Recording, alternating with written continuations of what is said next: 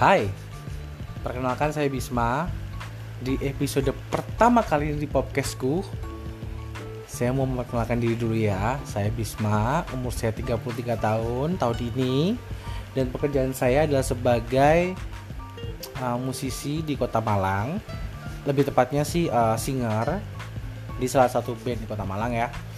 Dan pastinya uh, saya akan bikin sesuatu yang baru di podcast ini.